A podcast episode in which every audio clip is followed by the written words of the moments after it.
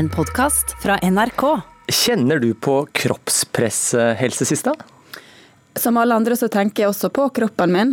Ikke så veldig, men eh, sånn som tolvårige jenter i dag, de tenker på hvordan rumpa deres ser ut.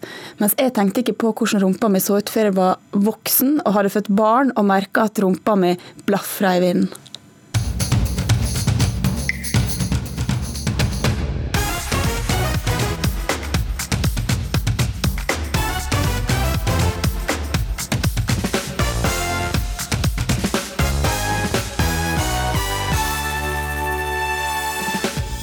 Kunnskapsminister Trine Skei Grande truer med å starte egen blogg hvis ikke influenserne slutter å utsette unge for kroppspress.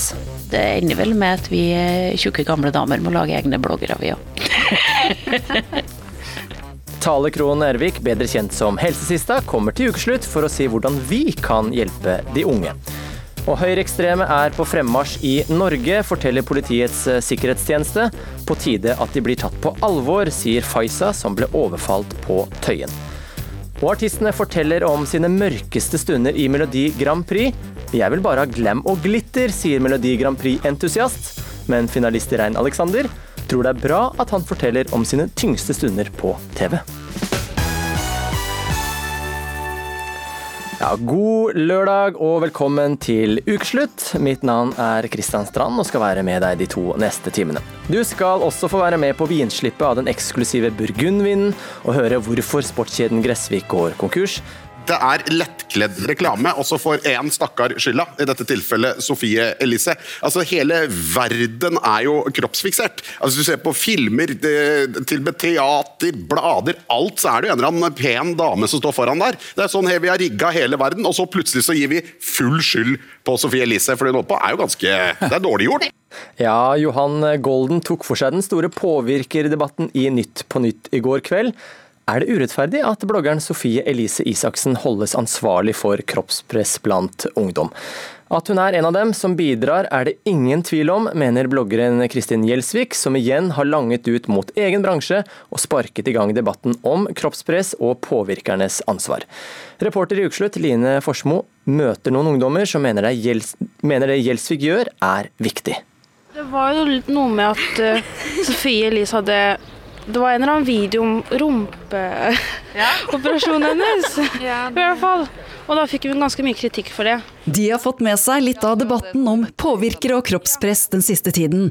Noen av de 16 år gamle jentene som står i ring utenfor Hartvig Nissens skole. Man må jo tenke på hva man legger ut, at folk blir jo påvirket. Alle ser jo, eller veldig mange ser jo opp til henne. Ja. Og veldig mange unge folk også man jo, kan jo bli veldig usikker på seg selv. Altså jeg tenker det er bedre at de er åpne om at de gjør det, enn at vi bare plutselig ser at alle disse influenserne ser liksom perfekte ut. da. At de da er åpne om at de har gjort inngrep, og at de forandrer på ting. Eh, og jeg fikk faktisk senest i bil på vei opp her en melding fra en jente som var så bekymret for venninnen sin, som ikke vil gå på skolen for hun mener hun er for stygg.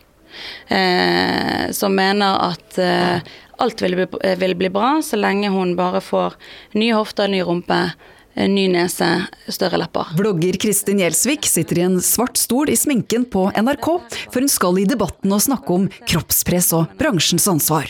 Noe hun også gjorde i fjor. Jeg kjenner liksom igjen disse her eh, Denne dagen for ti måneder siden. Det er litt déjà vu, egentlig. Ja. Ja. Sist helg, da hun holdt sin takketale under Vixen Awards, endte hun opp med en tirade mot Sofie Elise Isaksen, bl.a. fordi hun har hatt med seg kamera på en korrigerende rumpeoperasjon. Og hva hjelper vel det når vi i tillegg får være med på en fuckings Brazilian buttlift? Noen mente dette var mobbing, andre kritikk. Hvor ellers? Altså nå har jeg da en mulighet til å fortelle og, og, og liksom filleriste bransjen litt, og, og prøve i hvert fall å få folk til å forstå at vi sitter på et vanvittig stort ansvar. Og hvis jeg ikke kan gjøre det foran de det faktisk gjelder, hvor skal jeg gjøre det da? Til debatten møtte ikke Sofie Elise, men faren og manageren hennes, Jan Olav Isaksen. Det at Sofie ikke er her, er jo fordi at vi eh, ønsker ikke at den personkonflikten som det på en måte blir når det blir lagt frem på den måten som det gjør, skal få noe bensin på bålet. Det, men vi ønsker ikke at, at vi ikke skal på en måte ha en mening rundt det, for det har vi jo. Men ikke at den meninga skal være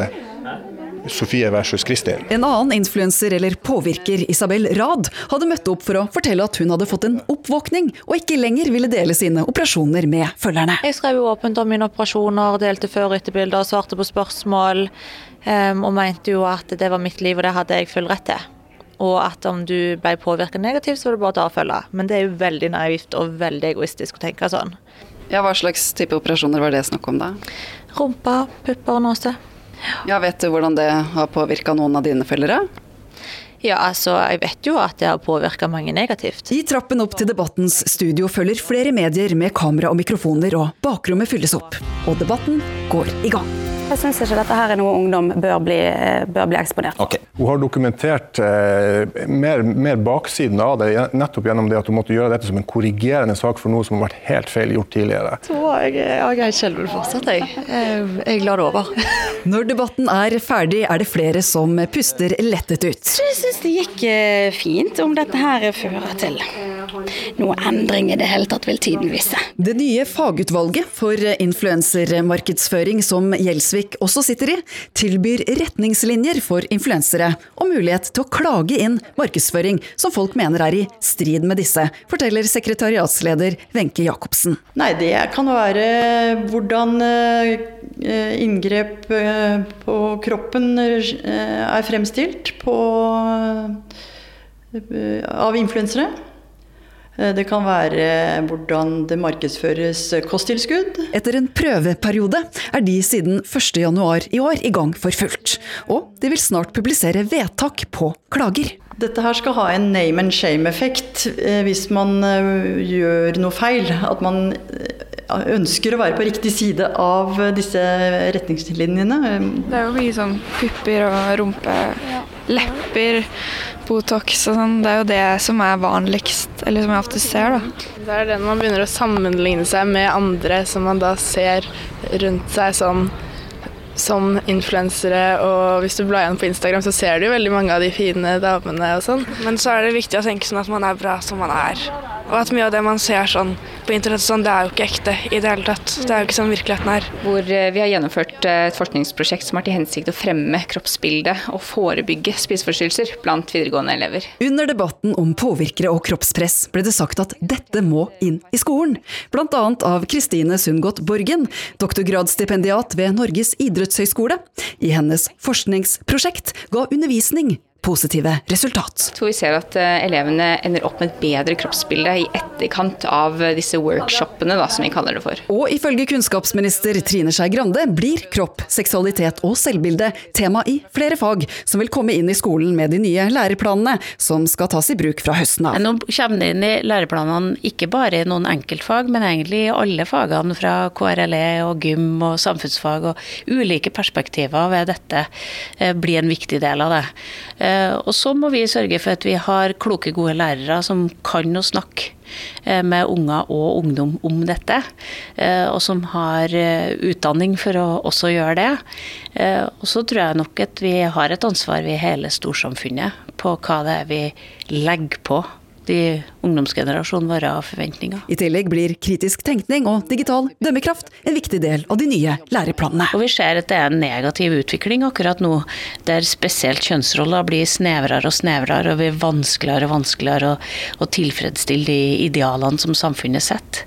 Så det ender vel med at vi tjukke gamle damer må lage egne bloggere, vi òg. Debatten om kroppspress er i full gang igjen. I stad hørte vi at kunnskapsminister Trine Skei Grande vil at kropp, seksualitet og selvbilde skal bli tema i flere fag på skolen fremover, noe som vi også hørte at ungdommene mener er viktig. Tale Maria Krohn Engevik, velkommen til Ukeslutt. Nå klarte jeg å si navnet ditt riktig. Ja, takk. Det var veldig hyggelig å være her. For mange så er du bedre kjent som helsesista på sosiale medier, Snap og Instagram, hvor unge sender deg spørsmål. Hvor mye spør de om kroppspress? Altså, de spør jo er ikke, Kroppspress er ikke et ord vi bruker så mye. Jeg snakker ikke så mye om det, og de nevner ikke det så mye sjøl, men de, de, spør meg jo veldig mye om kropp. Mm. Eh, og det er jo fokus på liksom kroppsdeler. Okay. Og de spør meg hvor, det, hvor mye det er vanlig å veie når de er så og så gamle og så og så høye, eh, som det ikke finnes noe fasit på. Eh, de spør meg hvordan de kan få smalere lår, og de spør meg om det er viktig at kjønnsleppene er små. Mye, større, mye om størrelsen på pikken til guttene. Hvor gamle er de når de stiller disse spørsmålene? Altså, De er jo fra de begynner å bruke Snap, de er jo fra sånn elleve år og oppover. da. Mm. Men det er jo veldig mye fokus. Altså kropp er noe av dem Jeg sier at det er tre ting som jeg merker de er veldig opptatt av, og det er kropp, og så er det prestasjoner, og så er det status. Okay. Um, så det er de tre hovedtingene? Ja, det er de tre hovedtingene som jeg ser at det, så de legger mye av verdien sin som menneske i. Da. Og da er ikke det på en måte innsida av kroppen deres, det er utsida fra hele veien, hodet og helt ned. Så hva skjer hvis de si, la oss si, feiler da, på disse tre tingene? Altså, De er jo i utvikling og i vekst, sånn at, og de utvikler seg veldig forskjellig. For det er jo ulikt når de kommer i puberteten, når de, når de begynner å vokse og de har ulike gener. Eh, så de skal jo være veldig ulike. Men eh, det, er jo et sånt bilde på hvordan man må se ut, hvordan, hvor store muskler guttene skal ha og sånn. Og det er jo eh, ungdommer som har tatt livet sitt for at de føler de ikke ser bra nok ut, rett og slett. Eh, eller ikke presterer bra nok, eller ja, at de feiler det, rett og slett. Men når du får da spørsmål fra ungdom om dette her, mm. hva svarer du da? Altså, hvordan svarer du da? Det kommer jo helt an på hva spørsmål jeg får. Men jeg prøver jo å lære dem til å tenke annerledes. Jeg snakker jo lite om kroppspress, men jeg, jeg snakker om hvordan de kan bygge selvfølelsen sin. Det å kjenne at man har verdi som menneske, hvem man er inni seg. Og det å på en måte få den bekreftelsen innenfra, og ikke hele tida være avhengig av den ytre bekreftelsen som mange er ved å legge ut bilder på sosiale medier og få likes og liksom føle at de er gode nok og godkjent og sånn. Um, men jeg får f.eks. veldig mange spørsmål fra, eller meldinger fra uh, barn og unge som gruer seg til å ha gym og svømming og kle av seg for å gå på badestranda og sånn. For de uh, føler jo at alle ser på kroppen deres og er redd for hva alle andre tenker om dem. Mm. Så da sier jeg til dem at prøver jeg å fortelle dem at vi er alle sammen forskjellige. Vi skal være det. Og tenk så heldige vi har som har kropper som funker ganske OK. Um, og tenk på at hvis noen har et problem med hvordan kroppen din ser ut, så er det faktisk deres problem og ikke ditt. Og livet blir mye kulere hvis vi slutter å drive og lete etter feil ved oss sjøl og bare tenke nei, dette her gidder ikke. Nå går jeg og har det kult med vennene mine på stranda. Sånn at jeg har jo fått unge til å ja, tørre å ta av seg T-skjorta og bli med på stranda og fått melding etterpå 'Å, jeg hadde det kjempegøy i dag'. Men nå, forrige, slutten av forrige uke så ble kroppspressdebatten igjen sparket i gang ved mm. bloggerne Gjelsvik og Isaksen. Hvilken rolle mener du at influenserne i dag har overfor den gruppen som du mottar disse meldingene fra? Jeg tenker jo at de har en stor rolle. For det er jo sånn som jeg sa før vi starta i dag, at jeg tenkte jo ikke på hvordan min kropp og min rumpe så ut når jeg var tolv år. Mm. Um, nå, um, sånn at jeg, jeg, tenker jo at de blir jo påvirka av veldig mange, både influensere eh, som de følger på sosiale medier eller eh, YouTube eller andre plasser. Eh, de blir påvirka av eh, TV-serier som de ser. Men er de gode forbilder, vil du si det? Ja, det, eh, jeg vil ikke uttale meg om noen enkeltpersoner, eh, men det er nok veldig mange som eh, kanskje sjøl er usikre, og som kanskje ikke helt ser sin egen rolle. Mm. Eh, det er jo flere av bloggere og influensere som har også kommet ut og sagt at jeg har skjønt i ettertid at jeg kanskje ikke påvirka på den rette måten. Mm. Så jeg tenker jo at alle som står bak dem, som er voksne, som er på en måte i ja, mediehus og nettverk og sånn også har et ansvar da, til å ta mm. vare på, ta vare på dem. Og også eh, at man har et ansvar sammen. Hvordan, man, hvordan er det det her påvirker unge? Nå sa Trine Skei Grande som vi hørte her, at eh, kroppspress og selvbilde skal inn i læreplanen. Er det løsningen for å dempe kroppspresset blant unge, tenker du? jeg tenker jo at vi må, vi må nok tåle at folk uh, gjør veldig mye rart. Velger ulike ting, velger å fikse på seg sjøl og legge ut ting på sosiale medier. Og at det er ulike TV-program. sånn at jeg tenker det er jo viktig å styrke ungdommene. Og lære dem både ja, bygge selvfølelse, lære dem hvordan de skal fokusere tankene sine. Lære dem å tenke kritisk rundt reklame og mediepåvirkning. Mm. Så det er kjempeviktig at det kommer inn i skolen. Eh, Sjøl driver jeg og lager en podkast sammen med Cappelen Dam-skolen mm. til ungdomsskolen. Og siste episoden som vi spilte inn der, den handler om anabole steorider. Ja. Eh, som er veldig viktig å komme inn i forkant. Er det en utfordring for unge gutter som trener? Eh, ja, det, det, de ser jo at de som har store muskler, gjerne får pult flest damer. Eh, som er veldig, noe som de er opptatt av i en viss alder. Eh, og det å, at kropp er rett og slett så stor liksom, suksessfaktor, da, mm. gjør at det er en utfordring også. Tale Marie Krohn Engvik, gode tips gode ting som må gjøres for en uh, utsatt målgruppe. Takk for at du var med her i Ukeslutt. Det ser fullt ut på parkeringsplassen utenfor. Men oppmøtet inne er ikke det samme som før terrorangrepet i august. Det er jo pga. frykten og pga. at man har bodd i Bærum, man har bodd i Norge. Eh, man har aldri trodd at det ville skje i Norge. Ja, dette var fra Dagsrevyen, hvor vi hørte at muslimer i Al-Noor-moskeen i Bærum fortsatt er preget av frykt etter terrorangrepet 10.8 i fjor. Politiets sikkerhetstjeneste sier i sin nye trusselvurdering at nye angrep er mulig. Og for første gang regner PST de høyreekstreme som like farlig som ekstreme islamister. Jon Fitje Hoffmann, velkommen hit til ukeslutt. Du er fagdirektør ved strategisk analyse hos eh, PST. I Norge er det høyreekstrem terror som har gjort mest skade. Burde man ikke ha sett denne trusselen før? Ja, eh, det kan man jo alltid eh, spørre seg om. Men dette er jo på bakgrunn av den informasjonen eh, som vi har fått, og den utviklinga som en har sett. Både i utlandet og i Norge. Det skjedde jo et, et ganske omfattende terrorangrep i New Zealand i, i mars i fjor. Eh, etter det så har det vært en ganske stor oppblomstring av eh, særlig nettaktivitet, radikalisering, propaganda. Og, og veldig mange personer som, som, blir eksponert for dette her, som søker det opp, og som sannsynligvis blir påvirka. Eh, så dette har vært en utvikling som har skjedd litt over tid, men, men likevel ganske, ganske raskt. Mm. Og det er bakgrunnen for at vi i fjor gikk ut og sa at trusselen for høyreekstreme miljøet hadde gått opp. Katrine Torleifsson, du er forsker på CREX, Senter for ekstremismeforskning på Universitetet i Oslo. Før så var det lett å se hvem som var høyreekstrem. De hadde barbert hode, gikk i bomberjakker og hadde på seg boots. Hvordan, eller hvem er de høyreekstreme i dag? Ja, De høyreekstreme i dag er jo da mye på eh, nettet. De har gått fra gata til data, som eh, vi sier. Og i motsetning til at de er med en organisasjon med navn og leder, så er de nå anonyme, og på nettet ofte da enslige aktører. På nettet så møtes de i disse chattegruppene som som du snakker om. Men hva, hva snakker de om? Altså det er som en slags eh, digital fritidsklubb på mange måter. Det er eh, en veldig superkultur som er en blanding av sånne vitsetegninger og memes. Og så er det veldig overlappende fiendebilder. Så du har både muslimhat, som er blandet med antisemittisme og eh, andre konspirasjonsteorier.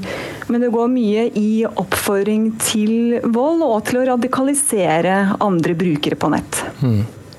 Når vi vet at de er på, på, nett, og vi vet eh, hva de snakker om i disse eh, gruppene, hvorfor er det så vanskelig å ta de, Hoffmann?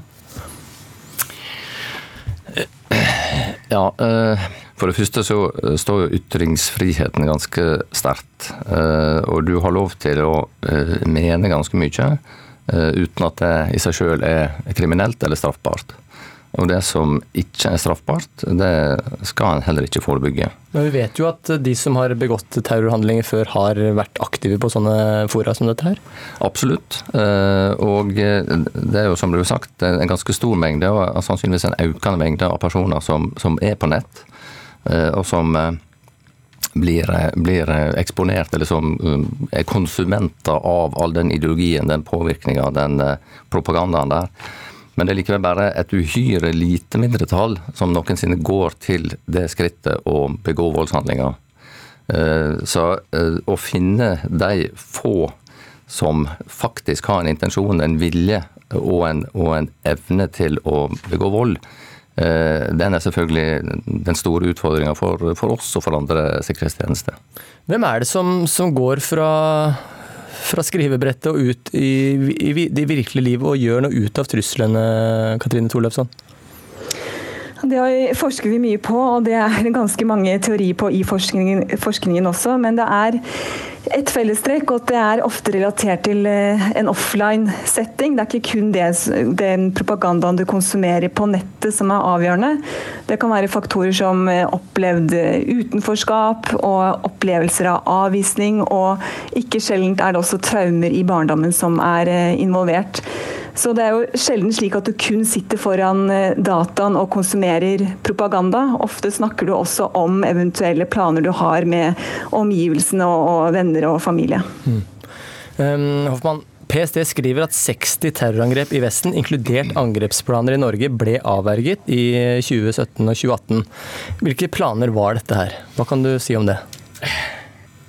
Ja, jeg kan ikke gå konkret inn på hva slags eh, planer det var. Eh, eller hva slags eh, tilfelle det var. Det, det, skulle jeg gjerne ha gjort, for det hadde blitt mye enklere å forstå hvis jeg kunne i klartekst sagt hva det var.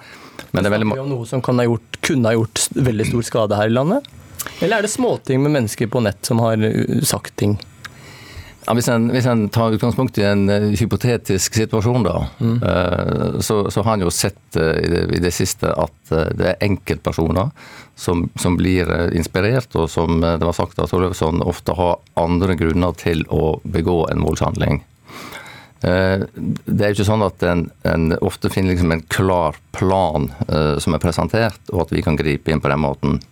Det er ofte mer en, en samling av ulike indikasjoner, der vi får informasjon uh, fra andre, fra andre tjenester, fra andre offentlige myndigheter. Uh, kanskje vi får tips fra eh, nærstående, kanskje vi får informasjon fra fra våre kilder. Eh, veldig mange hensyn gjør at vi kan ikke gå ut og forklare og vise hva som faktisk Men kunne hadde skjedd. Ha, kunne det ha ført til voldshandlinger mot enkeltpersoner f.eks.? Ja, vi mener at uh, dette uh, Det har vært tilfeller der, der det ville eller kunne med stor sannsynlighet ha gått i den retning. Faisa Washame, du opplevde høyreekstrem vold på gata på Tøyen i Oslo for to år siden. Hva skjedde med deg? Altså, jeg, jeg, var eh, på vei til butikken en lørdag morgen. og så ut av butikken så bare hører jeg noen rope ja, altså grove, hatefulle ytringer som 'jævla negerhore', 'ta det, den jævla hijaben du har på hodet'. Og neste øyeblikk så ser jeg bare en kvinne komme løpende mot meg. En, og da var det bare full i gang med spytt, slag, spark. En, hun, jeg fikk jo armen ut av ledd, en, fikk en del skader etter hendelsen. Men det har vært en uh, hendelse som på en måte har satt et veldig veldig stort preg på meg. Da, for det kom helt ut av det blå. Det her er en dame jeg ikke vet hvem er i det hele tatt. Og i mitt eget nabolag. Hva tenker du om eh, det som ble lagt frem på tirsdag, om at eh, de høyreekstreme har like Altså har like stor mulighet for å begå terrorhandlinger i Norge som eh, islamistiske ekstremister? Ja, jeg tror vi har sett den negative utviklingen som har skjedd den siste tiden. Og jeg tenker jo selvfølgelig at det her kanskje burde ha kommet tidligere. Men jeg tenker bedre sent enn aldri. Nå er det her, og det er viktig at vi tar det på alvor. fordi når det går til den grad at man kan bli overfalt og utsatt for, eh, for uh, vold fra høyre ytre fordi du er ute på gata. Da bare viser det hvor, hvor, alvorlig egentlig vi bør ta det. For jeg hadde med meg faktisk sønnen min på vei den morgenen. Heldigvis så gikk han tilbake og ville ikke bli med meg videre til butikken. Men jeg tenker med tanken på å på en måte bli slått ut på gata kun fordi du er muslim og fordi du er mørk i huden, bør si noe om alvorligheten i situasjonen. Eh, Hoffmann, bør vi være mest bekymret for eh, vold mot enkeltmennesker, slik som det med Faiza, eller store tilløp av terrorangrep? Ja, altså det som, det som er vår eh, oppgave, vårt mandat, det er jo å forebygge eh, terrorhandlinger. Eh, og da snakker han jo ofte om eh, hva skal jeg si, voldshandlinger mot eh, mot samfunnet som sådan. Men det er klart, sånne opplevelser som Faiza var utsatt for, er jo med på å fremme hat. Eh, og det er jo kanskje det som igjen eh, bygger opp under eh, forestillinger og som kan føre til trusler i, i andre sammenhenger, og kanskje i større sammenhenger. Katrine Thorleifsson, nå PST ønsker hjelp fra, fra oss. Og bør, tenker du at vi bør være bekymra dersom f.eks. et familiemedlem eller en venn på sosiale medier uttrykker seg med ekstreme holdninger til innvandring, islam eller jøder? Ja, absolutt. Det er i hvert fall å bry seg som eh, medborger og også kjempe mot eh, fordommer og hat som finnes i samfunnet. Og ikke minst få mer kunnskap om de menneskelige konsekvensene av rasistisk propaganda eller muslimfiendtlig propaganda, slik som Faiza fortalte fortalt veldig sterkt om nå. Så det er selvfølgelig et viktig ansvar vi alle har som, som borgere. Faiza, helt til slutt, hva, hva, tenker du, hva tenker du vi medborgere bør gjøre for å bekjempe dette? Jeg tror eh, som det ble sagt nå, at vi bør faktisk bry oss om hverandre. Fordi jeg opplevde at folk var i sjokk når jeg ble angrepet. Det var ikke folk som ringte til politiet. Eh, jeg følte meg, I den situasjonen følte jeg meg sviktet. Eh, men jeg håper videre da at vi kan alle sammen bry oss om hverandre. Og hvis det er noe man ser, enten det er venn, familie, kollega, hvem det måtte være, så er det bedre å sende det inn en gang for mye enn en gang for lite. Takk for at dere alle sammen var med i Ukeslutt. Jon Fitti Hoffmann, strategisk eh, fagdirektør ved Politiets eh, sikkerhetstjeneste. Katrine Thorleifsson, forsker på CRX. Og Faiza Washame. Ingenting biter på Donald Trump, og det var denne uken et tydelig bevis på.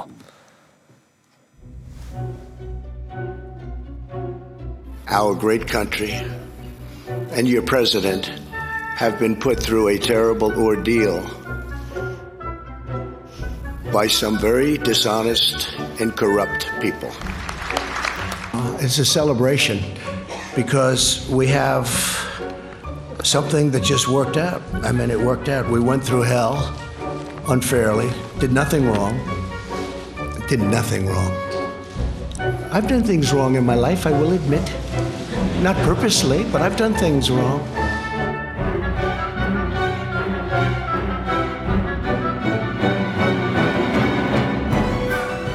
Ja, her er det kjente toner både fra Trump og fra Dovregubbens hall. Eirik Bergesen, du er medprogramleder i programmet Trumps verden på TV 2, hvor dere følger den amerikanske presidenten og velgerne hans fram mot eh, valget i 2020. Hvor overraskende var denne seiersvideoen som eh, ble lagt ut på Twitter? Du, det, det, mest forutsigbare med Trump er at alt er uforutsigbart. Du vet aldri hva som kommer til å skje, eh, og han drar alltid på. Når man forventer en eller annen type norm, så bare øker han det. Så eh, Trump er uh, uforlignelig på, på, Twitter. Han har jo tvitret da 17 000 ganger siden han ble president. Han har vært oppe i 43 ganger på en time, 144 på en dag midt i riksrettssaken. Så mm. uventet er det ikke. I videoen så, så vi tallet stige fra 2020 og til mer eller mindre det uendelige. Uh, han, har, han har stor selvtillit.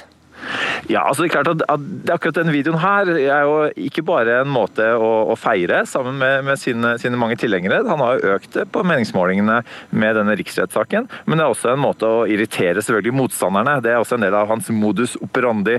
Eh, og, det, og dette med å da hinte eh, om at han ser for seg et gjenvalg også for en tredje periode, er jo noe som opprører veldig da, disse som da gikk til riksrettssak, for de mener at han ikke bare tøyer demokratiske regler, som mange av tilhengerne hans ønsker, men at han rett og slett bryter eh, hele det demokratiske spillet i USA. Aksel Helstenius, du er dramatiker og har bidratt i mange kjente filmer som Elling og Beatles. Men på Nyhetsmorgen i går her på NRK så hadde du en morsom sammenligning mellom Per Gynt og Trump. Hvilke likhetstrekk er det du ser her?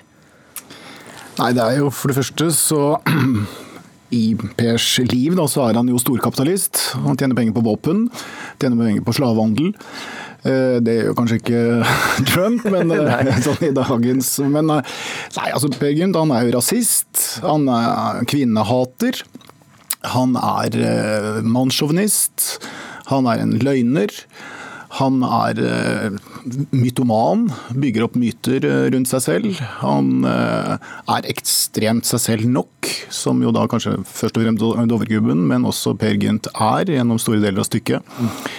Og som Eirik også sier, han er helt uforutsigbar.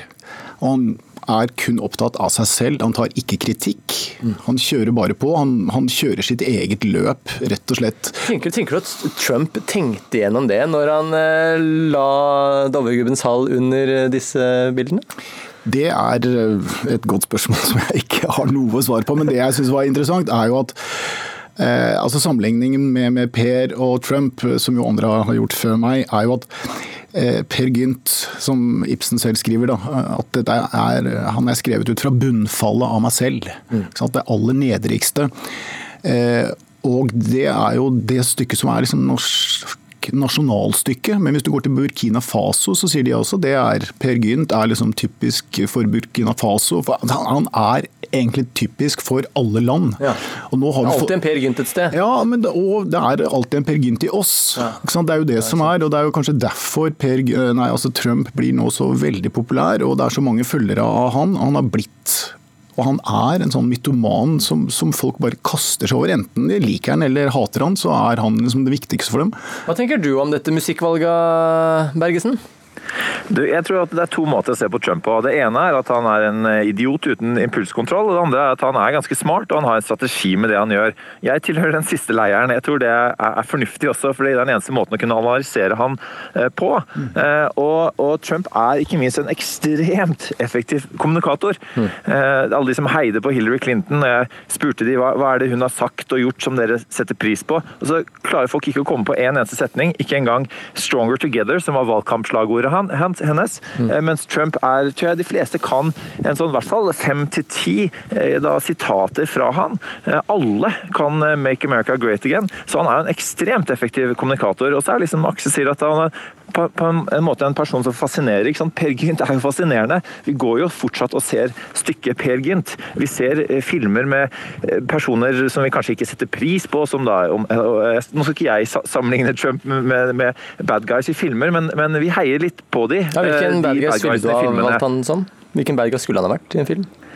Nei, altså jeg, jeg, jeg, er mest opptatt av å fortelle hva Trump gjør, og, og hvorfor han gjør det, og hvordan velgerne hans ser på det, enn, enn å karakterisere han. Eh, det, det, kan andre gjøre, men, men at, at, man fascineres av han, og at man til og med heier på han når han bryter reglene, eh, det, det tror jeg eh, skjer. Og, det er jo For å si det sånn. Altså, Trump, velgerne hans, de, de, var så irritert og frustrert, med god grunn, på det politiske systemet, så de valgte seg Trump som en slags pyroman for å brenne det ned. Og så er spørsmålet hva hva han kommer til å bygge det opp, hvordan han bygger det opp igjen. og Kanskje er ikke forventningene altfor store til hva pyromanen gjør, men det Trump nå gjør, er jo at han bygger opp et system hvor han da eh, sparker eh, da de eh, som kritiserer han, han kaller de som stiller han til riksrett for eh, forrædere, for et statskupp osv. Så, videre. så er spørsmålet om velgerne da eh, nå i november ønsker seg dette systemet da, som Trump har erstatta ja, med det gamle. For nå har jo Trump vært rask med å hevne seg på de som uh, har vitnet til saken. Jeg har sett i nyhetsbildet i dag. Hvem er det som har fått svi og sparken? Det er, det er, egentlig de som da har, har, stilt seg mot han i riksrettssaken, og til og med tvillingbroren til Winderman, da, en av disse her sentrale vitnene, også fikk, eh, fikk, sparken for sikkerhets skyld. Mm. Og det er klart at eh, jeg, jeg, skjønner veldig godt at man ønsker seg eh, at man stemte for Trump, og til og med de som stemte på Obama også stemte på Trump, fordi man ser på han som en person som sier det han mener, um, og, og, også ikke er redd for å tale partiet imot. Og det er de altfor få av i amerikansk politikk. Men nå så straffer han jo folk for å gjøre akkurat det samme som han selv gjorde i valgkampen. Mm. Altså Han forlanger lojalitet, og det er det på bakgrunn av det. Han sier det selv. Eh, han har sparket disse, eh, og det var det han også så på hos Romney, da, manglende lojalitet. Ja, for Hvilken Som- behandling fikk Mitt, Mitt Romney etter at han stemte imot? Han har jo blitt en slags, slags pariakaste, og intensjonene hans blir jo satt eh, stilt spørsmål ved. og Det er det som er, er, er synd i amerikansk politikk eh, nå i dag. Altså man, eh, agree to disagree, det har forsvunnet, eh, forsvunnet litt. Eh, og om Nixon, da, som, som, som, møtte, som så, man så for seg i riksrett, og han til slutt trakk seg for på en måte å bevare demokratiet, eh, han så på også riksrett som en, en, en verdifull demokratisk institusjon, og det gjør ikke Donald Trump. Nei, og det er litt av faren i våre dager. Aksel Hestenius, Per Gynt blir jo selvransakende til slutt. da. Er det noe håp at eh, Trump også vil bli det? Ja, for Det er jo utrolig urettferdig å sammenlegge Trump med Per Gynt, og i hvert fall med Ibsen. For det han skriver, han er jo så forut for sin tid. Han er liksom før Freud og alt mulig sånt. Så det, dette stykket er jo da, når du kommer til femteakten, så handler det jo om å, å finne seg selv. Og jeg, det syns jeg er interessant. Det tror jeg kanskje ikke Trump noen gang kommer til å gjøre. Jeg, jeg tror han er altså så narsissist. Jeg tror han kan, kan putte andre merkelapper på han også. Og ifølge psykologene så, så er det jo kanskje dette som driver han. og da er det spørsmål om han har den evnen til å se inn i seg selv og virkelig stille de vanskelige spørsmålene. Og eh, komme frem til at eh, jeg må ta ansvar for mine handlinger og jeg må liksom, gå tilbake og sette lys på meg selv, ikke bare dure av sted som et lokomotiv som han holder på med nå. Du skal bare kjapt til slutt, fordi Bergesen ville ikke nevne hvilken rollekarakter eh, Trump kunne vært, men du som har skrevet så mange filmer og TV-serier, hvilken uh, kjent rollefigur er Trump? Altså Hvilken bad guy, den kjente bad guyen er han? Er han fra James Bond, eller hvor er han fra? på en måte? Han er vel mer han der Gordon Gekko for meg, tenker jeg fra Wall Street. Ja. Som på en måte blir politiker. Og, altså, det er jo noe med den narsissisten som, som, som ikke blir stoppet. Han er Coligula, han er keiseren, han er Napoleon, og det er jo det som er problemet. Han, nå, han kroner seg selv. Jeg tror han ser på seg selv som en keiser. Ja, Det tror jeg faktisk at eh, Donald Trump syns var en, eh, var en god eh, rollefigur å få på seg. Takk for at eh, dere begge var med her i Ukeslutt, Eirik Bergesen og Aksel Helstenius. For eh, 119 år siden startet firmaet Gressvik med å selge sportsutstyr til oss nordmenn. Men mandag denne uken så var det slutt. Gressvik gikk konkurs. Når jeg fikk beskjeden, så kom det veldig som en eh, sjokk, på en måte. Eh, vi skulle jo gå på jobb eh, på mandag akkurat så som eh, vanlig. Mandag ble det kjent at Gressvik er konkurs. Siden 1901 har konsernet stått sportsutstyr til det norske folk. Men nå kan det se ut til at det er slutt. Martin Roman er selger ved G-Sport Storgata i Oslo. Nå står han og 2200 andre ansatte i fare for å miste jobben.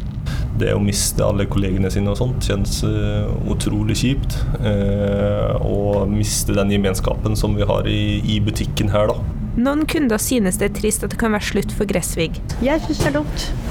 Syns jeg. Veldig fin butikk å kjøpe julegaver og bursdagsgaver i, og så jeg syns det er veldig dumt. Ja. Men det er sånn. Andre forstår at det kan skje. De er så pressa på marginer, og konkurransen er såpass stor blant de store. Så eh, jeg syns ikke det er vanskelig å forstå. Jeg skjønner jo det at det er en beinhard konkurranse der ute. Det med netthandel, for det er jo veldig lettvint, ikke sant. Så jeg, jeg skjønner det at det ikke er så lett å drive fysiske butikker, mange der. Det har jo ofte hendt også at man har gått og prøvd, og så ser man hva som er billigst. Og da er det ofte kanskje billigst på nett. Så kan det hende man bestiller da fra nett, men har brukt eh, butikker som fysiske butikker for å teste. Det er ennå ikke klart hva som skjer med de omtrent 100 butikkene som Gressvik Retail Group eier. I butikken på Storgata har Martin Roman hatt flere kunder innom som er trist over nyheten. Jeg hadde en eldre herre her som eh, kom inn og fortalte om når han og far og mor hans hadde vært eh, på Gressvik på Storgata, og han hadde fått sin første sykkel. Og tykte at det var utrolig synd hvis vi nå skulle behøve stenge butikken. Martin håper og tror at butikken vil leve videre, da han ikke er klar for å forlate Gressvik og sportsbransjen enda. Vi vet jo ikke eh, til 100 eh, hva som skjer, på en måte. Eh, Forhåpentligvis er det noen som kjøper oss opp. Det hadde vært ekstremt kjipt å, å miste jobben. Og reporter her, det var Runa Leinan. Ja, Det er ikke bare Gressvik som har måttet kaste inn håndkle den siste tiden. For vi har hørt at flere kjeder har måttet melde om konkurs. Men hvorfor skjer egentlig dette nå? Velkommen til ukeslutt, professor ved Norges handelshøyskole i Bergen, Tor V. Andreassen. Du har fulgt varehandel tett i mange år. Hva er grunnen til at Gressvik eh, gikk konkurs? Jeg tror ikke det er så enkelt som å si at det er én enkel faktor, altså at vi kan peke på én hvit begivenhet. Jeg tror dette er det som jeg kaller for en perfekt storm. altså En sum av en rekke negative hendelser som har kommet sammen altså da i et, i et eh, spesielt punkt i tid, som da gjør at i i vanskelige tider, som får Gressvik, så knekker de ryggen. Også da. Det, som det riktig ble påpekt, da, Netthandelen har jo endret veldig mye kundeatferden. Altså som stiller spørsmål med hele hva, hva er betydningen av en butikk når jeg kan få ting på nettet. Og så har det også at bransjen, eh, og ikke bare sportsbransjen, men også varehandelen generelt, har hatt en ja, veldig fokus på å vokse i volum.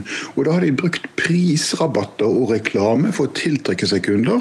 Og da med knappe marginer så blir det disse marginene enda knappere når de øker utgiftene og gir fra seg da fortjeneste i, i lave priser. Mm. Og så har du også at eh, ja, julesesongen ble borte for de, vintersesongen nå ble borte for de.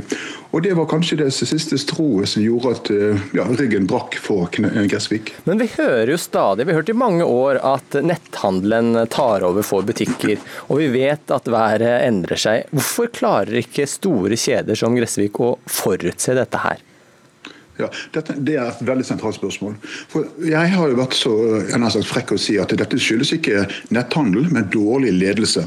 Altså, Disse lederne av disse profesjonelle store kjedene som har all verdens økonomer, markedsføringsfolk og, og, hva du har for noe, klarer liksom ikke å finne ut hvilken rolle de skal spille når de nå har mistet monopolet på salg av varer. Da jeg var gutt, så gikk vi i butikken for å handle. Det var det eneste stedet vi kunne få varer og tjenester. Nå kan de få det fra nettet. Og jeg tror ikke butikken politikken har tatt inn over seg hva de da skal gjøre for å møte, møte disse tingene. Og det er ett stikkord. Det er innovasjon, innovasjon, innovasjon. Hmm. Og så er det jo da en annen sportskjede som kom for noen år siden og virkelig tok store markedsandeler, XXL. Alle hørte om det, og mange løp for å kjøpe. Men så hører vi der også store tap, sjefer må gå, børsverdi som har rast over 70% Venter vi nok en, nok en konkurs nå de nærmeste ukene? Jeg skal ikke si at det kommer til å skje, altså, men det er åpenbart at de har malt seg inn i et vanskelig hjørne. Dette er også en bedrift som, er, som du riktig sier, har en fantastisk suksess. De har en forretningsmodell, et konsept, som satt veldig godt. Folk flokket til butikkene, og de tømte lommebokene eh, med, med, varer som de kjøpte. Hvor lenge, de holde, altså, hvor lenge, kan de holde på å tape penger og sitte på store lagre? Altså, jeg ser ikke for meg at de kan holde på med det altfor lenge. Nei, nå har det altså panikksalg. altså dette her, Jeg tror det er 1 milliard kroner de har bundet i varelager, så de ønsker noe å dumpe ut i markedet. Og Hvis du går tilbake til det der perfekte stormbildet, så får vi nå ytterligere en faktor hvor da bransjen kollektivt vil måtte lide med at prisene på disse varene blir vesentlig lavere. Og det er helt kurante varer. Slik at små butikker og store butikker må nå matche dette nye prisnivået på ytterligere knappe marginer. slik at Igjen så setter de da hele bransjen under, under trussel. altså. Ja, Vi har altså vært i kontakt med både XXL og Gressvik om å komme hit i studio, men de har altså eh, ikke takket ja til den invitasjonen. Men hvorfor er det blitt så vanskelig å drive sportsbutikk i Norge? Jeg tror altså En faktor er, som har undret meg, det er at de har, ledelsen i disse kjedene har tenkt som at uh, denne kurven skal bare peke oppover, oppover, oppover. Og De har bygget nye butikker, de har etablert seg nye steder, de har etablert nye nettbutikker. Som om at vi evig alltid skulle kjøpe mer sportsutstyr. Vel, så har vi det at konsumenttrenden har flatet ut, og i mange tilfeller har begynt å, å gå nedover. Så vi på en måte demper konsumet vårt. Det passer jo da veldig dårlig når butikkene bygger eh, kapasitet. Og For å kompensere dette, så bruker de da rabatterte priser. Spørsmålet er når hadde vi ordinære priser sist i butikken? Altså da? Og Det er veldig lenge siden. Altså da. Så, så, så dette, er en, dette er en bransje som har gjort det vanskelig for seg selv. Ja, så sånn sett er det kanskje bra, eller et sunt tegn da, at vi ser noen konkurser nå med tanke på overflodssamfunn og overforbruk? Ja, men Du kan sette det på spissen og kalle det for det. Vi økonomer bruker et uttrykk som heter kreativ ødeleggelse. Det er når markedskreftene begynner å, å kverne da dårlige konsepter til bakken og gå konkurs. Og Det som skjer da, er at man fristiller arbeidskraft. og det er På et samfunnsplan er det en god nyhet. For individplan er det dårlig nyhet når man mister jobben, selvfølgelig. Men dette er det som ligger i dynamikken i økonomien. altså at Dårlige ideer, dårlige butikker går konkurs, og de nye oppstår og tar over der hvor de gamle slapp. altså da. Men hvis du bare skal, eh, hva tror du nå helt til slutt vil skje med Gressvik-butikkene? Nei, altså, nå så jeg at eh, altså, XXL muligens slutter å kjøpe opp de konkurslagrene som de da har. Jeg vet ikke om de har penger til det hele, men jeg tror det vil være da en fordel å få det ut av markedet. så det At ikke det dumpes inn med lave priser. Jeg, håper, altså nå er jo Gressvik er jo konkurs. Eh, jeg håper XXL vil klare å få bena under seg igjen og få da tilbake lønnsomheten. Og at bransjen kollektivt kan begynne det som da tar ned kapasiteten, og samtidig komme opp med prisene, slik at de har en lønnsom, bærekraftige forretninger. Takk for at du var med her i Ukeslutt, professor ved Norges handelshøyskole i Bergen, Tor V. Andreassen. Hvis du har fulgt med på delfinalen i Melodi Grand Prix her på NRK, så har du sikkert fått med deg sorgen og lidelsene til artistene som står på scenen. For mens det tidligere var fokus på musikk og glitrende antrekk, så er det noe helt annet som skal gjøre at vi elsker og stemmer på årets artister. Begge har opplevd veldig mye motgang i livet. Jeg ble mye mobba som barn følte at jeg ble mer og mer usynlig for folk flest, så det var en ganske tøff tid. Så vi har jo fått oppleve det med mobbing og erting og kjenne på det. Jeg passa nok ikke inn fordi jeg kledde meg annerledes. Jeg passa ikke inn fordi jeg var annerledes. Jeg var feminin, og alle fortalte meg at kan ikke du bare starte med fotball og begynne å klatre i trær, sånn som de andre guttene, så er det lettere for oss å ha noe med deg å gjøre. Altså, hvis du våger å stikke deg litt fram, så, eh, så kan han fort få liksom, høre at det, nå du ikke ro, nå må du roe deg ned, liksom. jeg jobber i bar for å finansiere musikken. Altså, det er veldig fysisk jobb. Du står alltid oppreist. Eh, gjør rett og slett mye oppvask. Fulle kunder, og står på, lager drinks hver kveld nesten. Og det å få et ja fra MGP etter, eh, etter mange vonde, bekymringsfulle stunder Det er noe man setter ekstra stor pris på. Ida Marie Christoffersen Mørk, velkommen til ukeslutt. Takk for det. Du er en stor MGP-entusiast. og Her hørte vi årets artister fortelle om sine mørkere sider. Og dette kommer ikke du i feststemning av. Hvorfor ikke det? Nei, altså det står jo i programbeskrivelsen at eh, konfettikanonene er lada, men det står jo ingenting om å huske lommetørkle og eh, vannfast maskara. Mm. Nå blir det jo ekstra tydelig nå som, vi, nå som det klipper sammen på den måten her, men på samme tid, alt det vi hørte her, eh, det er jo ekte utdrag fra selveste paljett- og fargefesten Melodi Grand Prix. Eh, og det er jo det fokuset her jeg stiller spørsmål ved i kronikken min. da. Ja, for du har nemlig skrevet en ytring her på NRK. Eh, ja. Når er det du merket at det ble for mye sorg og lidelse? Eh, jeg blei vel oppmerksom på det i løpet av de første par eh, programmene. Eh, jeg fikk på et tidspunkt følelsen av at alle innslag var skåret over samme lest. At man bevisst kjørte en oppskrift for hvordan disse relativt korte innslagene på drøye 1 12 minutt skulle legges opp. Mm. Til program nummer tre da, så håpte jeg egentlig at jeg hadde tatt feil, men da ble det i hvert fall ganske klart for meg eh, at vi faktisk hadde med en ganske ensidig vinkling å gjøre. Da. Men vi, vi, skal jo bli veldig glad i artistene, vi skal elske dem, vi skal liksom komme på innsiden. Er det ikke greit da også å bli litt kjent med de mørkere sidene? Jo, altså eh, Det har jo i hvert fall noe for seg å bli litt eh, kjent med artistene. Vi vil jo gjerne vite hvem som står der på scenen, men, men tenk noen av de artistene her er jo ukjent for oss fra før. Nå har de mulighet til å vise seg fram i beste sendetid på NRK. Um, ikke alle kommer videre, og kanskje var det her deres fem minutter i rampelyset. og Er det da riktig at det vi fikk ta del i, kanskje er noe av det mest sårbare i livet deres? Stig Karlsen, du er prosjektleder i Melodi Grand Prix. Nå er du ute på Fornebu, hvor dere gjør dere klare før kveldens eh, sending. Eh, ja. Hva, hva tenker du om denne kritikken fra Ida Marie? Nei, altså Det viktigste vi gjør, da, vi som lager MGP, det er å lytte til publikum. og det er klart at Når kritikk kommer fra de som er over middel interessert i MGP, slik som Ida Marie er, så lytter vi. Det er ikke noe tvil om det. Eh, og Vår evaluering er eh, ganske i, banen med det Ida Marie sier. Det er noen så, så det, er mye, det, er for mye, sorg og lidelse i år, altså? Du er enig i det? ja, vi, vi, vi, er veldig fornøyd med årets artistprestasjoner. Eh, men det vi ser er at det har blitt mye av alvor, de alvorlige sakene. Vi har 1 minutt og 30 sekunder på å bli kjent med artisten. altså gjøre publikum kjent med artistene. Mm. Og da går vi litt løs på de litt sånn store sakene i livet. Kjernen av livet. Eh, hendelsene som har forandret deg. Eh, noe som kan berøre folk. Eh, noe som kan gi mening til folk. Som dybde og substans. Da, eh, som en kontrast til alt det som er glitter og glam og, og pyroeffekter og moro. Så at mm jeg tenker at det, det, Sånn er det litt når vi gjør disse intervjuene. Så blir det at man napper da ut disse Eh, tingene som, men, men kan, som vil få folk til å føle noe da, i mm. løpet av veldig kort tid. Men Kan noen av disse problemene bli litt sånn hverdagslig, men med undertoner av veldig dybde? Blir det litt mye? Nei, altså, eh, Dette handler jo om at uh, denne musikken er jo faktisk Musikk er terapi. Musikk er noe som uh, endrer folk, og som har, altså, har, en virkning på folk. Det er life-changing å drive med musikk og det å følge drømmen sin.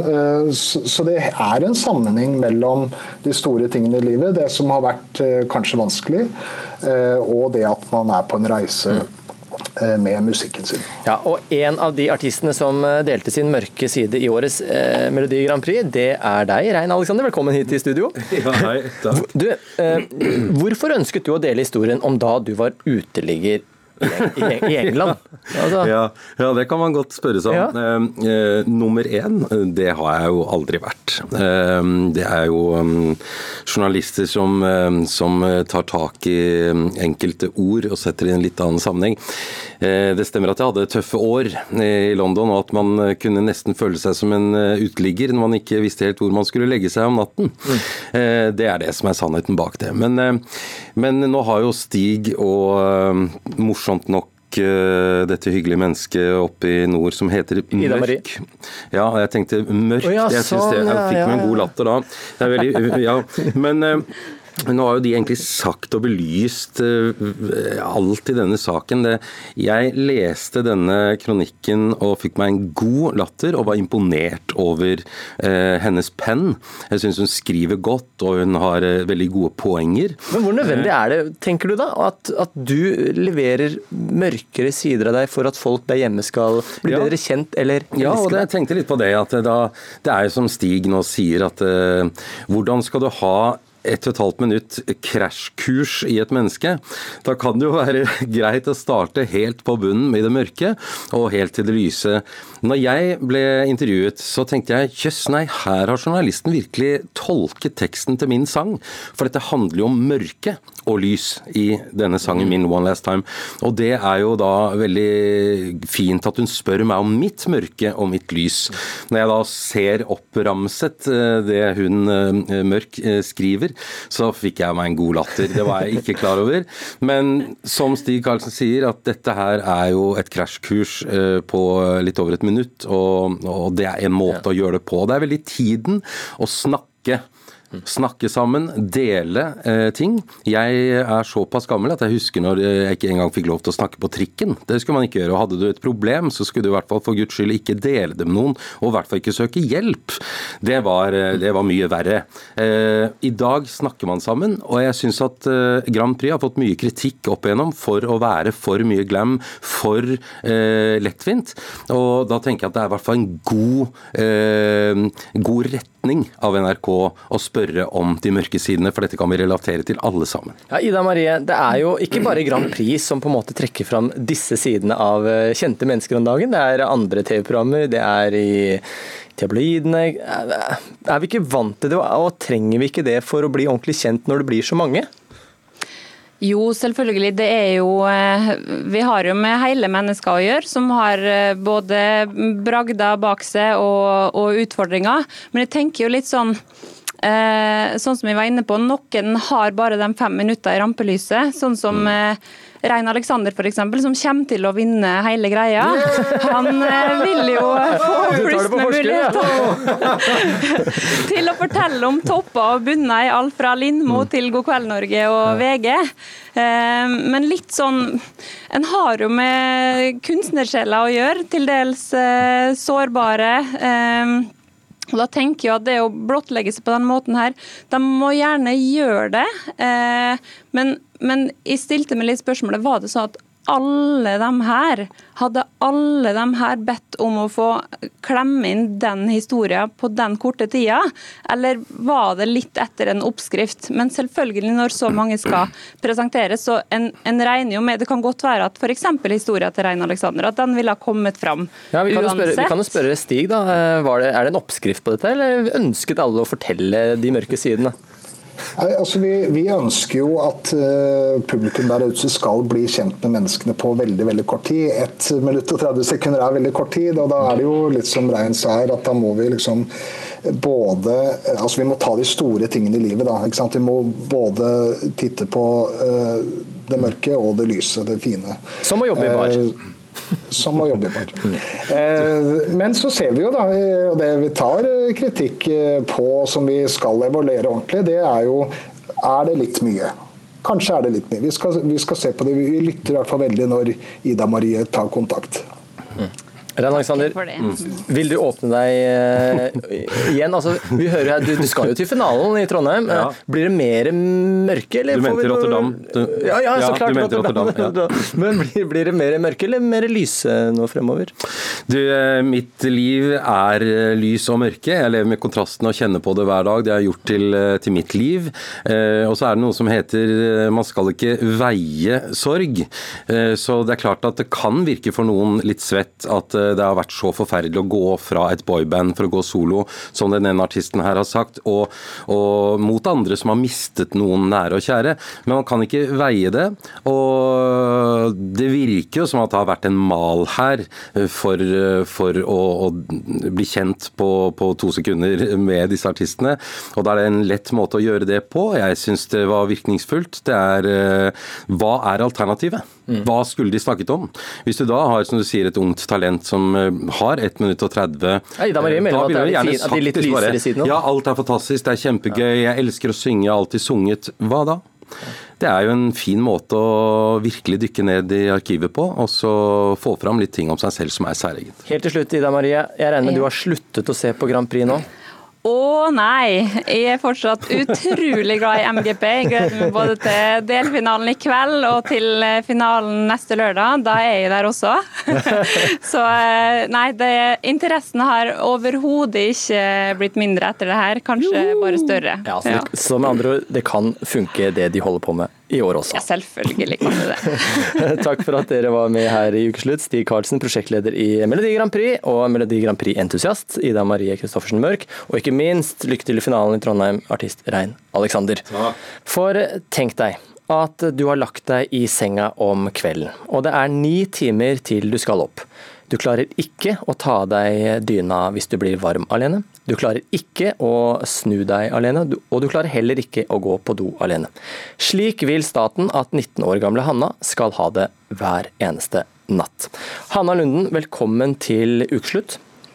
Tusen takk. Denne uken så saksøkte altså, du staten. Det er første gang en person har saksøkt staten for retten til brukerstyrt personlig assistanse. Altså en personlig assistent som hjelper til med daglige gjøremål i og utenfor hjemmet. Og I dag så får du assistanse mellom 8 og 11 på dagen, altså 8 og 11 på kvelden. Men Gjerstad kommune, der du bor, de vil ikke gi deg assistent på natten. Og Det er dette du har klaget inn til Fylkesmannen, og nå fått avslag. Og Denne uken her så var du altså i retten i Aust-Agder tingrett. Hvordan har uken vært? Nei, altså Dagene i retten har jo vært tøffe. Jeg har jo blottlagt eh, privatlivet mitt eh, til i Norge, og det har vært veldig lærerikt å se, men det er jo veldig vondt å se holdningene til mennesker, da. Ja, hva, hva har vært det vanskeligste, vil du si? Ja, det er jo som sagt å brette ut om privatlivet sitt, men det er jo eh, motparten sine holdninger til hvordan jeg skal få lov å leve mitt liv. da. Hvilke holdninger er det du tenker på da? Nei, i forhold til at de mener at jeg skal bruke timene jeg har på dag eh, med BPA, og bruke de på natt. Eh, Og da liksom rullere på de timene, men det er jo da et hulrom som blir igjen på dagen da, uten assistanse, og det fungerer jo ikke. Hvorfor er det så viktig for deg å få hjelp hele tiden, også om natten? Nei, spesielt om natta så er det jo at jeg har, som du nevnte i, i stad, at eh, jeg har problemer med å få av på meg dyna i forhold til temperaturregulering, og jeg kan ikke svette, for jeg har ikke svettekjertler, og da blir det jo automatisk veldig varm eller veldig kald. Eh, og jeg trenger hjelp til å tisse på natta, i og med at det er en overaktiv blære. Eh, I tillegg til at jeg har eh, veldig sterke muskelspasmer som jeg ikke greier å håndtere sjøl. Og alt dette er altså et resultat av at du har blitt lam eh, fra nakken og ned etter en rideulykke da du var 15 år gammel. Ja, 14 år. 14 år. Det. Ja. Men denne uken, her, denne uken her så har det altså vært eh, en tøff eh, uke for deg. Men det er veldig mange som har kommet for å eh, støtte deg, og vi skal høre hva eh, venninnene dine sier om deg. Anna er skikkelig modig og veldig kul. Hun er en fighter. Hanna er veldig utadvendt, veldig blid, stå-på-vilje. Det viser hun jo nå. Eh, Og så syns jeg hun er kanskje en av de tøffeste i verden akkurat nå. Sitte her og utlevere seg sånn og høre folk prate om livet hennes i den minste detalj. Er jo noe man skal være ganske beinhard for å orke å stå i. Jeg syns det er veldig kult gjort av henne. Hun er veldig stolt som eh, søster. Det krever veldig mye av henne. Veldig godt å se all den støtten vi får òg. Hun eh, har et veldig stort hjerte, veldig omsorg for eh, mennesker rundt seg. Og det er nettopp sånne folk som en ønsker å løfte opp og fram, for de kan gi så uendelig mye tilbake. Hvordan er det å høre at man får så mye støtte? Det er ikke bare bare å være 19 år og gå i retten mot staten, altså. Nei, herlighet. Det er jo kjempegøy å høre og få så mye tilbakemeldinger, da, som er såpass bra. Det Ja, veldig fint. Men du, du har altså forklart hvorfor du trenger denne hjelpen her. Hva er konsekvensen når du ikke får den hjelpen? Nei, altså En stor konsekvens er jo at det faktisk kan få et forkorta liv i forhold til dette her med å måtte holde seg over lengre tid. Eh, og jeg syns det er veldig skummelt at man betyr så lite opp til en tjeneste, da. Sånn i forhold til at eh, heimsykepleier i Gjerstad har da en responstid på 30 minutter. Og hvis eh, en holder seg mer enn ti minutter eh, når en må tisse, så i den situasjonen jeg er i, da, så presses da urin opp igjen til nyrene, og det blir et ja, stort problem. da. Mm. Og det kan jo i verste fall forkorte livet, og det er jo skummelt å se. Vi har vært i, i dialog med Helse- og omsorgsdepartementet, som er din motpart og var det i Aust-Agder tingrett, men de hadde ikke mulighet til å komme hit. Men du får mulighet til hjemmepleie, men det har du takket nei til om natten. Ja. Hvor, hvorfor det? Nei, altså Én ting er jo responstida, som jeg nevnte. At eh, 30 minutter måtte ligge og tisse, det, det går ikke. Etter 10 minutter så tisser jeg på meg, rett og slett. Og da kan ikke jeg ligge i mitt eget piss til de kommer, og så midt på natta som er oppe og dusje og skifte på senga. Det, det er ikke et verdig tilbud, syns jeg. Og i forhold til kompetanse til det jeg trenger hjelp til, så har ikke Gjerstad kommune den kompetansen de trenger for å kunne hjelpe meg. I dag så, så bor du jo hjemme med mamma og pappa. Um, hvorfor, eh, hvorfor er ikke det nok? Nei, altså Jeg bor hjemme med min samboer i min leilighet. Eh, og det er jo Altså, det er jo ikke deres jobb å skulle hjelpe med på natt nå. De har jo sin jobb og sine aktiviteter som de skal fullføre i løpet av en dag. Og det, da er det ikke deres jobb å måtte hjelpe med, da. Du sier at du kjemper din livskamp nå. Eh, du kommer til å få vite om ikke så altfor lenge hvordan utfallet av rettssaken blir. Ja. Hva tror du? Nei, altså Det er som sagt veldig vanskelig å si Eller det er veldig vanskelig å si, da. Om man vinner eller ikke. Men jeg har en veldig god følelse i og med at det er såpass mange som er enig med meg. Men samtidig så er det jo opp til ja, eh, staten, da. Mm. Hanna Lunden, takk for at du var med i Ukeslutt og delte din historie. Og som sagt, vi har vært i kontakt med Helse- og omsorgsdepartementet, som ikke hadde mulighet til å være med her.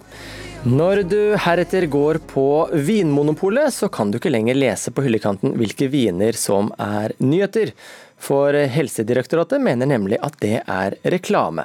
Det kan stå at vinen er søt eller økologisk, men altså ikke at den er ny. Det synes Oda Randmæl, eller Piemontegirl, er tullete, og denne uken var hun en av dem som har sovet i kø utenfor Vinmonopolet for å sikre seg de beste og nye flaskene fra årets burgundslipp. Mm. 98. Du, da? Eh, syv. Oh, hvor lenge har du vært her, da? Tre netter. Oh, Jesus Christ. Oh, yeah. Som eneste kvinne, by the way. Ja, ja. Oda Randmel, eller Piemonte Girl, og DNs vinanmelder Merete Bø må snakke om det viktigste først. Kølappene som ble delt ut for en liten halvtime siden, og som Oda har sovet tre netter ute i kø for å få. Så jeg lå første gang i fjor og syntes det var veldig gøy. Og i år så er det jo veldig mange som har fått med seg at jeg ligger, så de har jo sendt mail av du, kan ikke du, hvis du allikevel er nummer syv, kan ikke jeg ordne den til meg? Så det er Jeg har lovet bort kvoten min til et par stykker. Men det er ganske gøy å være her. Mens vi venter på at dørene skal åpnes på Vinmonopolet, hører jeg hva de tenker om at polet ikke lenger får merke nye viner som nyhet på hyllekanten. DNs Merete Bø først. Det er ikke reklame å skrive at en vare er ny. For det er derfor de, sånn som jeg har skjønt det, vil gjøre noe med det. Jeg tenker at det er en opplysning for kunden, og at den ikke er noe å henge seg opp i, egentlig. Det er ikke noe salgsfremmende at den vinen er ny, men det er en opplysning som gjør det lettere å orientere seg i hyllene på Vinmonopolet. Hvis en polansatt sier at den her kom inn i går, den er ny, så, så, tror jeg at det kanskje kan være mer salgsfremmende at det står ny på, på hyllekanten. Nei, vi har jo vitset litt om det, og at nå istedenfor ny så kan man bare si liksom lansert eller lansering, og så tar det ett år før de klarer å få det ordet vekk òg. Så da du, kan du bruke det ordet i ett år. Så vi har, vi har, det blir lagt litt vitser om de som har satt denne regelen. For vi syns det er litt rart. Tror du det er det som avgjør om folk kjøper vin? Nei. Hva tror du det handler om? Merete Bø. Jeg, men helt genuint, så, men når Merete Bø, og det merker du hvis du går i hyllene etter Merete Bø har skrevet om noen viner, så er det voff, er det vekk. Hun kan vi ikke forby. Nei. Ja, det er mye som skal forbys, da.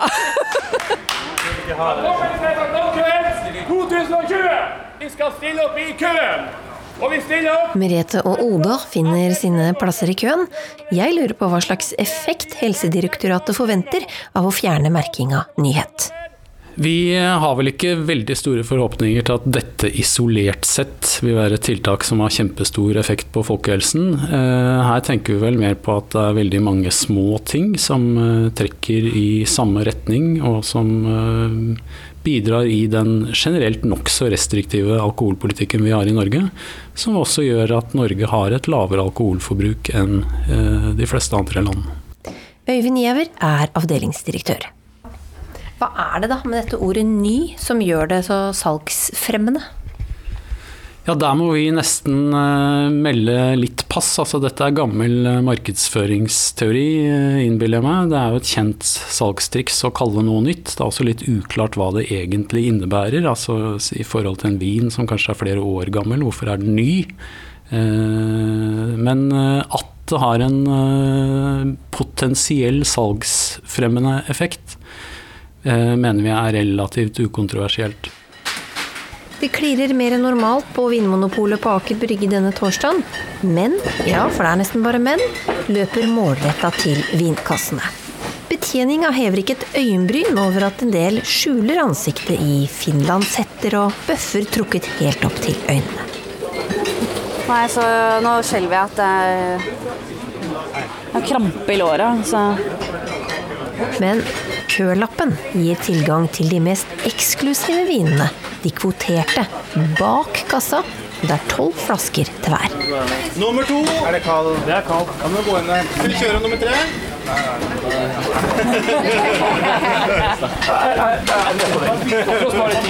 Det er, jo, det er jo så mye som ikke er til meg, så jeg er jo så redd for å handle feil. Og så er det så mye penger, så hvis du da handler feil og bruker for mye penger, så er det Det er krise. Jeg merker at jeg er litt kvalm. Ta ut kortet og prøv igjen. Herregud. Hvor mye ble det? Nei, det var for mye. Det var mer enn i fjor. Nå Skal jeg bære med meg galskapen nå? Ja, Reporter her, det var Linn Beate Gabrielsen.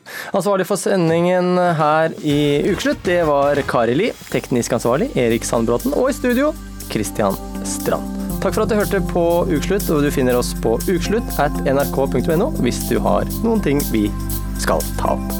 Ha det bra, og ha en god lørdag videre. Du har hørt en podkast fra NRK. Hør flere podkaster og din NRK-kanal i appen NRK Radio.